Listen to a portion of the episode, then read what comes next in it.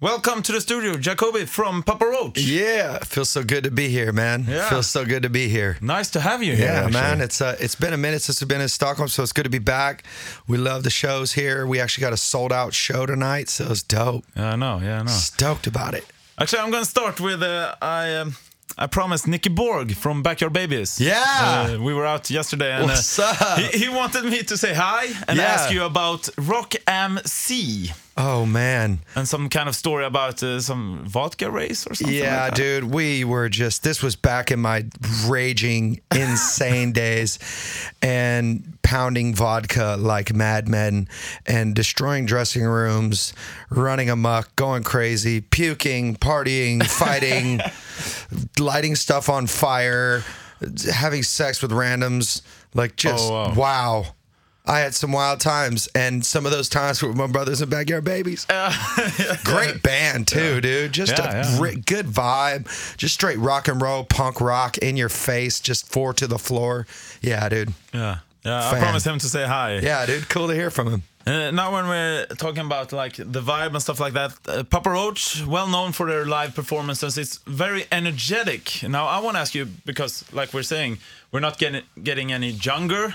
How do you like? Because I woke up today with a stiff neck, kind of, and uh, like, how do you prepare or like have something before a show? Because you're touring all the time, and I mean, yeah, I will definitely say that we are definitely not getting any younger. Uh, you know what I'm saying? I'm 41 now.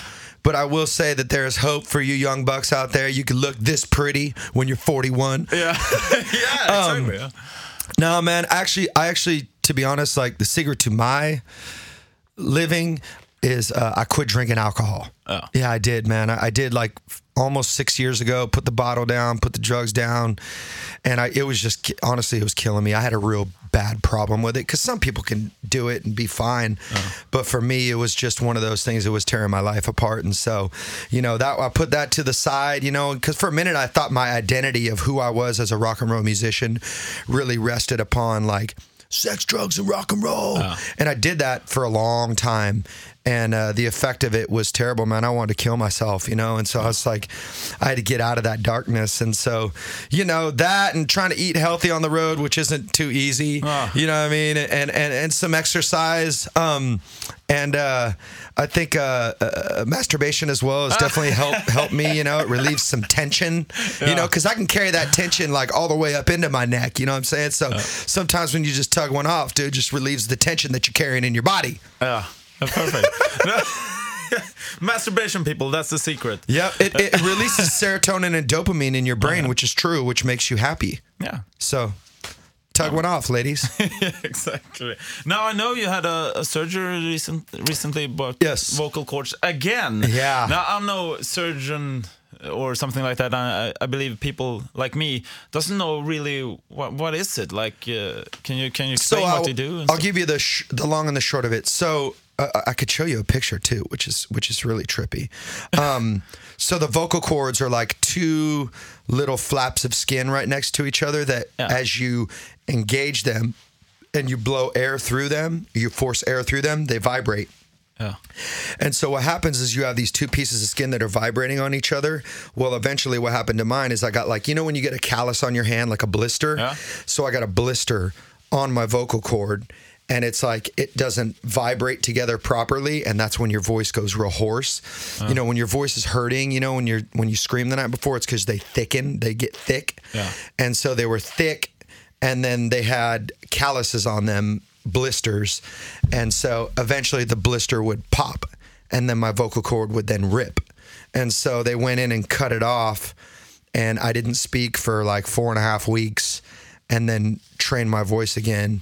And it's, I'll, I'll- pull up a picture here and it looks very um, similar to a vagina, the vocal cords do. Seriously.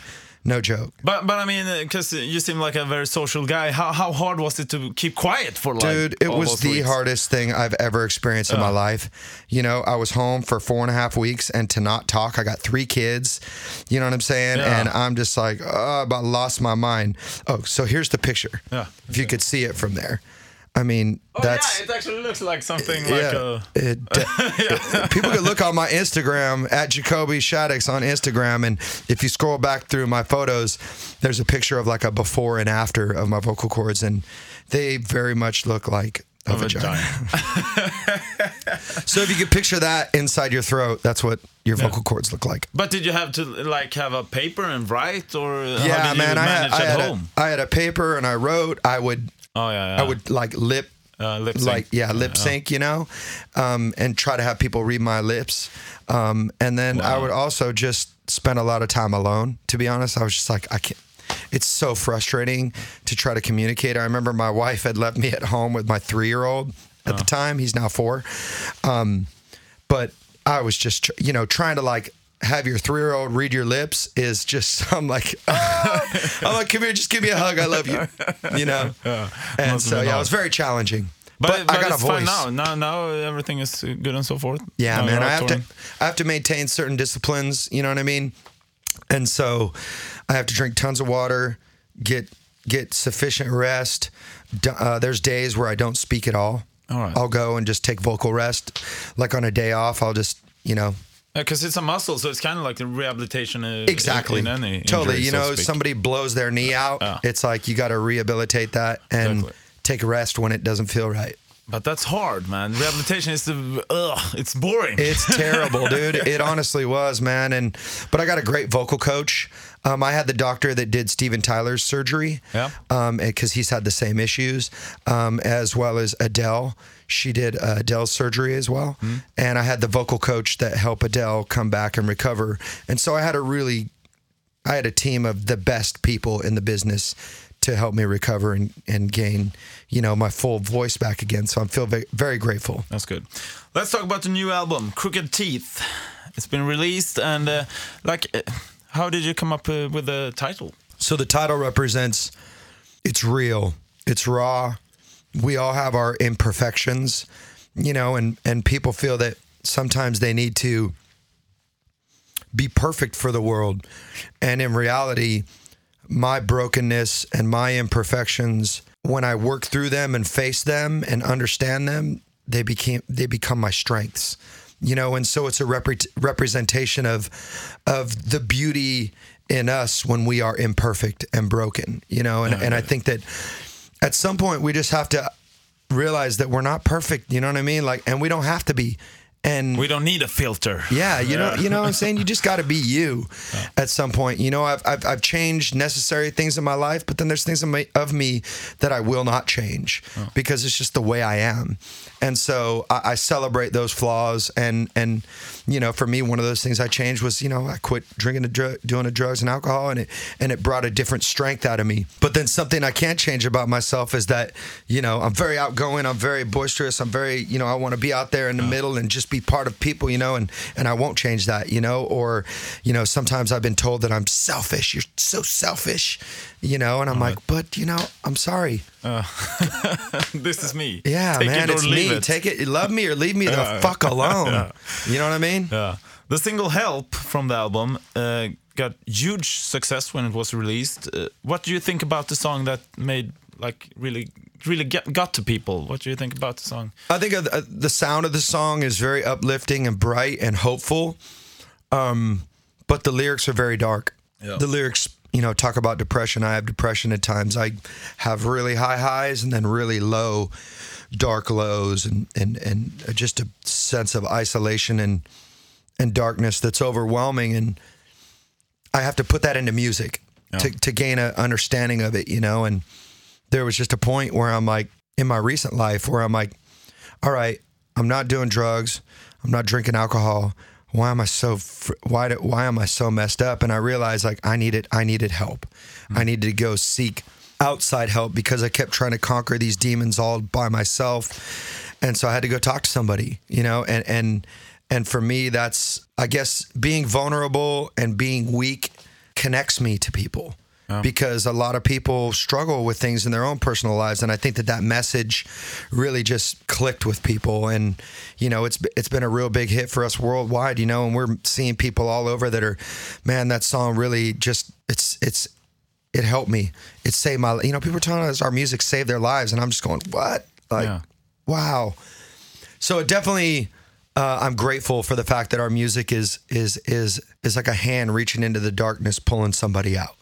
And uh, you know, I mean, just in recent times, you see people really struggling. Chris Cornell, you know, Chester Bennington, people taking their lives because of just not Depression. being able. Yeah, depression and Uh, darkness. Frank Carter, your Yeah. support act, also depression. Exactly. like- yeah, we were supposed to. He was supposed to come out on tour, and he's like, "I got to cancel the tour." I'm like, "What's going on, dude?" And he's like, "I'm just not well. I'm not in a good place." And I'm like, "If anybody would understand that, that's me. I understand that. Like, bro, take this time to go get your head right." You know, we had a guy that was c- going to come out on tour and uh, be our production assistant. He came out first three days. I was like, "What's wrong with you, dude? Like, you okay?" And he's like, you know, borderline like you know and i'm like hey dude like you don't have to be out here like if you need to go home and take care of your mental health take care of your life like go do that because being on the road is not an easy place to live and it's not a place if you're in a dark spot it can spiral out of control real quick and so he was like i think i need to go home and i'm like you know what I totally support you in that. Go take care of yourself because I'd rather see you come back stronger and not have you right now than lose you out here. And and and for me, it's like it just shows you, man. A lot of people are out there walking through some darkness. They did a study of of of American teenagers, and the American teenagers deal with the amount of anxiety and stress that a mental patient in the 1950s dealt with. And so the levels of stress that people deal with right now on a daily basis has elevated exponentially. And the level of, of drugs that they're prescribing people is going up. But then the level of mental illness has quadrupled since the introduction of psych- psychotropic drugs, and so it's it's a very vicious cycle that I feel needs to change. And, and music, I feel, is a healer, and so we're we're part of of of of people's mental health. You know what I'm saying? We're part of helping people. So I'm definitely glad we're on the good team. You know what I mean? Yeah. But but do, why do you think it is that we're so stressful? Is it because of the internet or, or like why? I think the standards. I think the standards that we put on our on ourselves. I think social media and uh, also pop culture has created a society that makes people feel less than.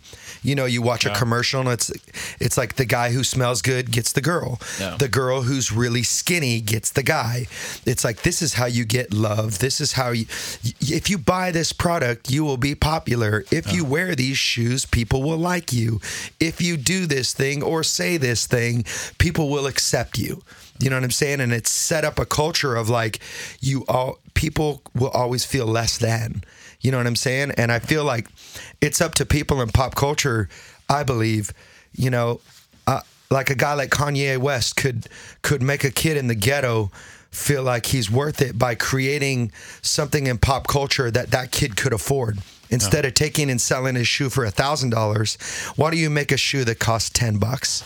Why don't Why don't you do that, Kanye West? You know what I'm saying? Oh, yeah, and so create something that make people feel part of instead of less than. Exactly. And so it's it's definitely an interesting culture that we live in, and you know, for me, I uh, I I struggle with that. You know, it's like I don't want to be, I don't want to create this unattainable vision.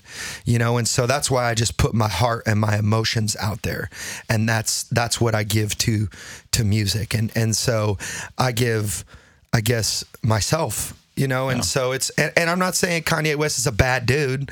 I'm just saying there's ways to create culture that make people feel part of instead of making people feel less than you know and so it's like especially in the teenage culture it's like it's just a point in life where people are just they're fucking cruel you know what i mean? And so kids just i got a teenage son. You know what i mean? And i tell him i'm like hey dude don't be that kid at school that's a dickhead to the to the other kids. Like be the kid that's inclusive. You know if there's somebody sitting by themselves go holler at him go make friends with them you know what i'm saying? See what's up with them because you know maybe they're struggling with something that you could help them with. And so you know my life has definitely dramatically changed as i become a father you know and and that i've struggled with my own mental health issues that man we could create a culture that's so much so much more better. That's what i love about rock and roll music in general. Rock and roll music is about like if you're broken and you're weak and you're struggling and you're on you- feel like you're in the darkness like there's a place for you here in rock and roll. You know what i mean? And that's what i love about rock music Now, now you've been around fu- fucking 24 years now, or something like that. right? Dang, dude, I'm getting old. yeah, and I mean, wow, that that's a huge success uh, in, in these days, also. uh, Yeah. with the music business as it is. But what is your if you think of like one, two things that you will never forget about your career, like high points? Oh man, high points. I think one of them was uh, spending. Uh, it was the year 2000 on New Year's Eve when it was about to turn 2000, and I was in Times Square. We did a performance at MTV. It was us and Marilyn Manson, and I remember we were in the middle of Times Square, counting down till the new year. Waiting for everything to go dark. Yeah, Millennium. yeah, yeah. The Y2K bug. The joke was on them. The Y2K bug was Papa Roach. We were the Y2K bug, you know. And and I just remember that was one of those moments where I was like, wow, I am like, this is insane. This is crazy. Like all those dreams I had as a kid, like I'm living this. Holy smokes! Like what the. So that was one of those moments. Are we talking just music moments? Yeah, yeah, yeah, yeah. And uh, so I think another one of those moments was uh, we played a festival called Woodstock in Poland. Oh, yeah. and it was Yeah, we played. that's crazy. I've heard about Dude, that. we played in front of four hundred thousand Yeah, people. I've seen the pictures. man. Dude, it was insane, man. they invited us back, so I'd love to go do that. Anybody up here in Sweden, if you have a chance to get down there to Poland and go to Polish Woodstock, it is absolutely, it is a festival that is like no other. It is off the chain, and the light show. It's like God sent a light show. It's just crazy insane. Like it is the it's it's just wow. Took my breath away. One of those moments as I, I lay on my deathbed, like those two moments will flash through my mind as as high points. Now, when I heard you were gonna play here, like Papa Roach is coming to Stockholm, instantly I think about Last Resort. Oh, yeah. Oh, bam, It's- Classic. It's, it's, an anthem, man. Yeah, totally. But but having that, like, do you ever get like because you have to play it all the time? Do you get tired, or do you still enjoy playing that song? I love it's playing from the that first song. album. I mean, Yeah. it's been around forever. It's it's a classic, and you know what's dope is it. It's still on the radio everywhere, all Yeah. over the world. Everybody still plays it, and it still sounds. It, it, keeps up with the contemporaries. It sounds like a song that's relevant. You know what I mean? And it's like, it, it, it definitely comes from a time and place in music. You know what I mean? Like it's time stamped, but it's still the mu- the lyrics and the music still resonate with people. There's kids that are hearing that song for the first time, going, "Oh my God, this is amazing! Holy shit, who is this?" yeah, I mean, we talked about mental health, and it's Yeah. still it's still it's, It- it's it- still relevant. It, it, it definitely hits it hits home, you know, and it's the bands strive their whole entire career to have a classic song, and you know we came out right out of the gate. Yeah, yeah, Our first out. song was a classic hit. You know what I mean? And I'm like, well, how do we how do we top that? And I think that's part of what makes us special is we keep continuing to make music to try to compete with that song. And you know, we've yet to have a song that's been as successful. We've had successes, you know, which I'm so grateful for. But it's like, you know, Aerosmith has Dream On, yeah. you know, Papa Roach, we got Last Resort. Yeah. It's amazing. So I just I can't I, I can't be mad at it. And anywhere we play that song, and in front of any audience, any type of person, people know it. Yeah. People know that song. It just resonates with people and and and it will go down in history and I'm so grateful for that. Like, come on. Cheers to Yeah. Pete Roach and Last Resort. What? yeah, just sold out show tonight in mhm. Stockholm. I'm looking forward to to actually see it. yeah, man, I'm excited. Yeah, me too, me too. And thank you very much for taking the time to come here. Yeah, dude, thanks for having me. Sorry for being late, but hey, we No, ma- hey. the show must go on as Freddie Mercury says, baby. Ett poddtips från Podplay. I podden Något Kaiko garanterar östgötarna Brutti och jag, Davva, dig en stor dos skratt. Där följer jag pladask för köttätandet igen. Man är lite som en jävla vampyr. Man har fått lite blodsmak och då måste man ha mer. Udda spaningar, fängslande anekdoter och en och annan arg rant. Jag måste ha mitt kaffe på morgonen för annars är jag ingen trevlig människa. Då är du ingen trevlig människa, punkt. Något Kaiko, hör du på Podplay. Därför är gardinerna.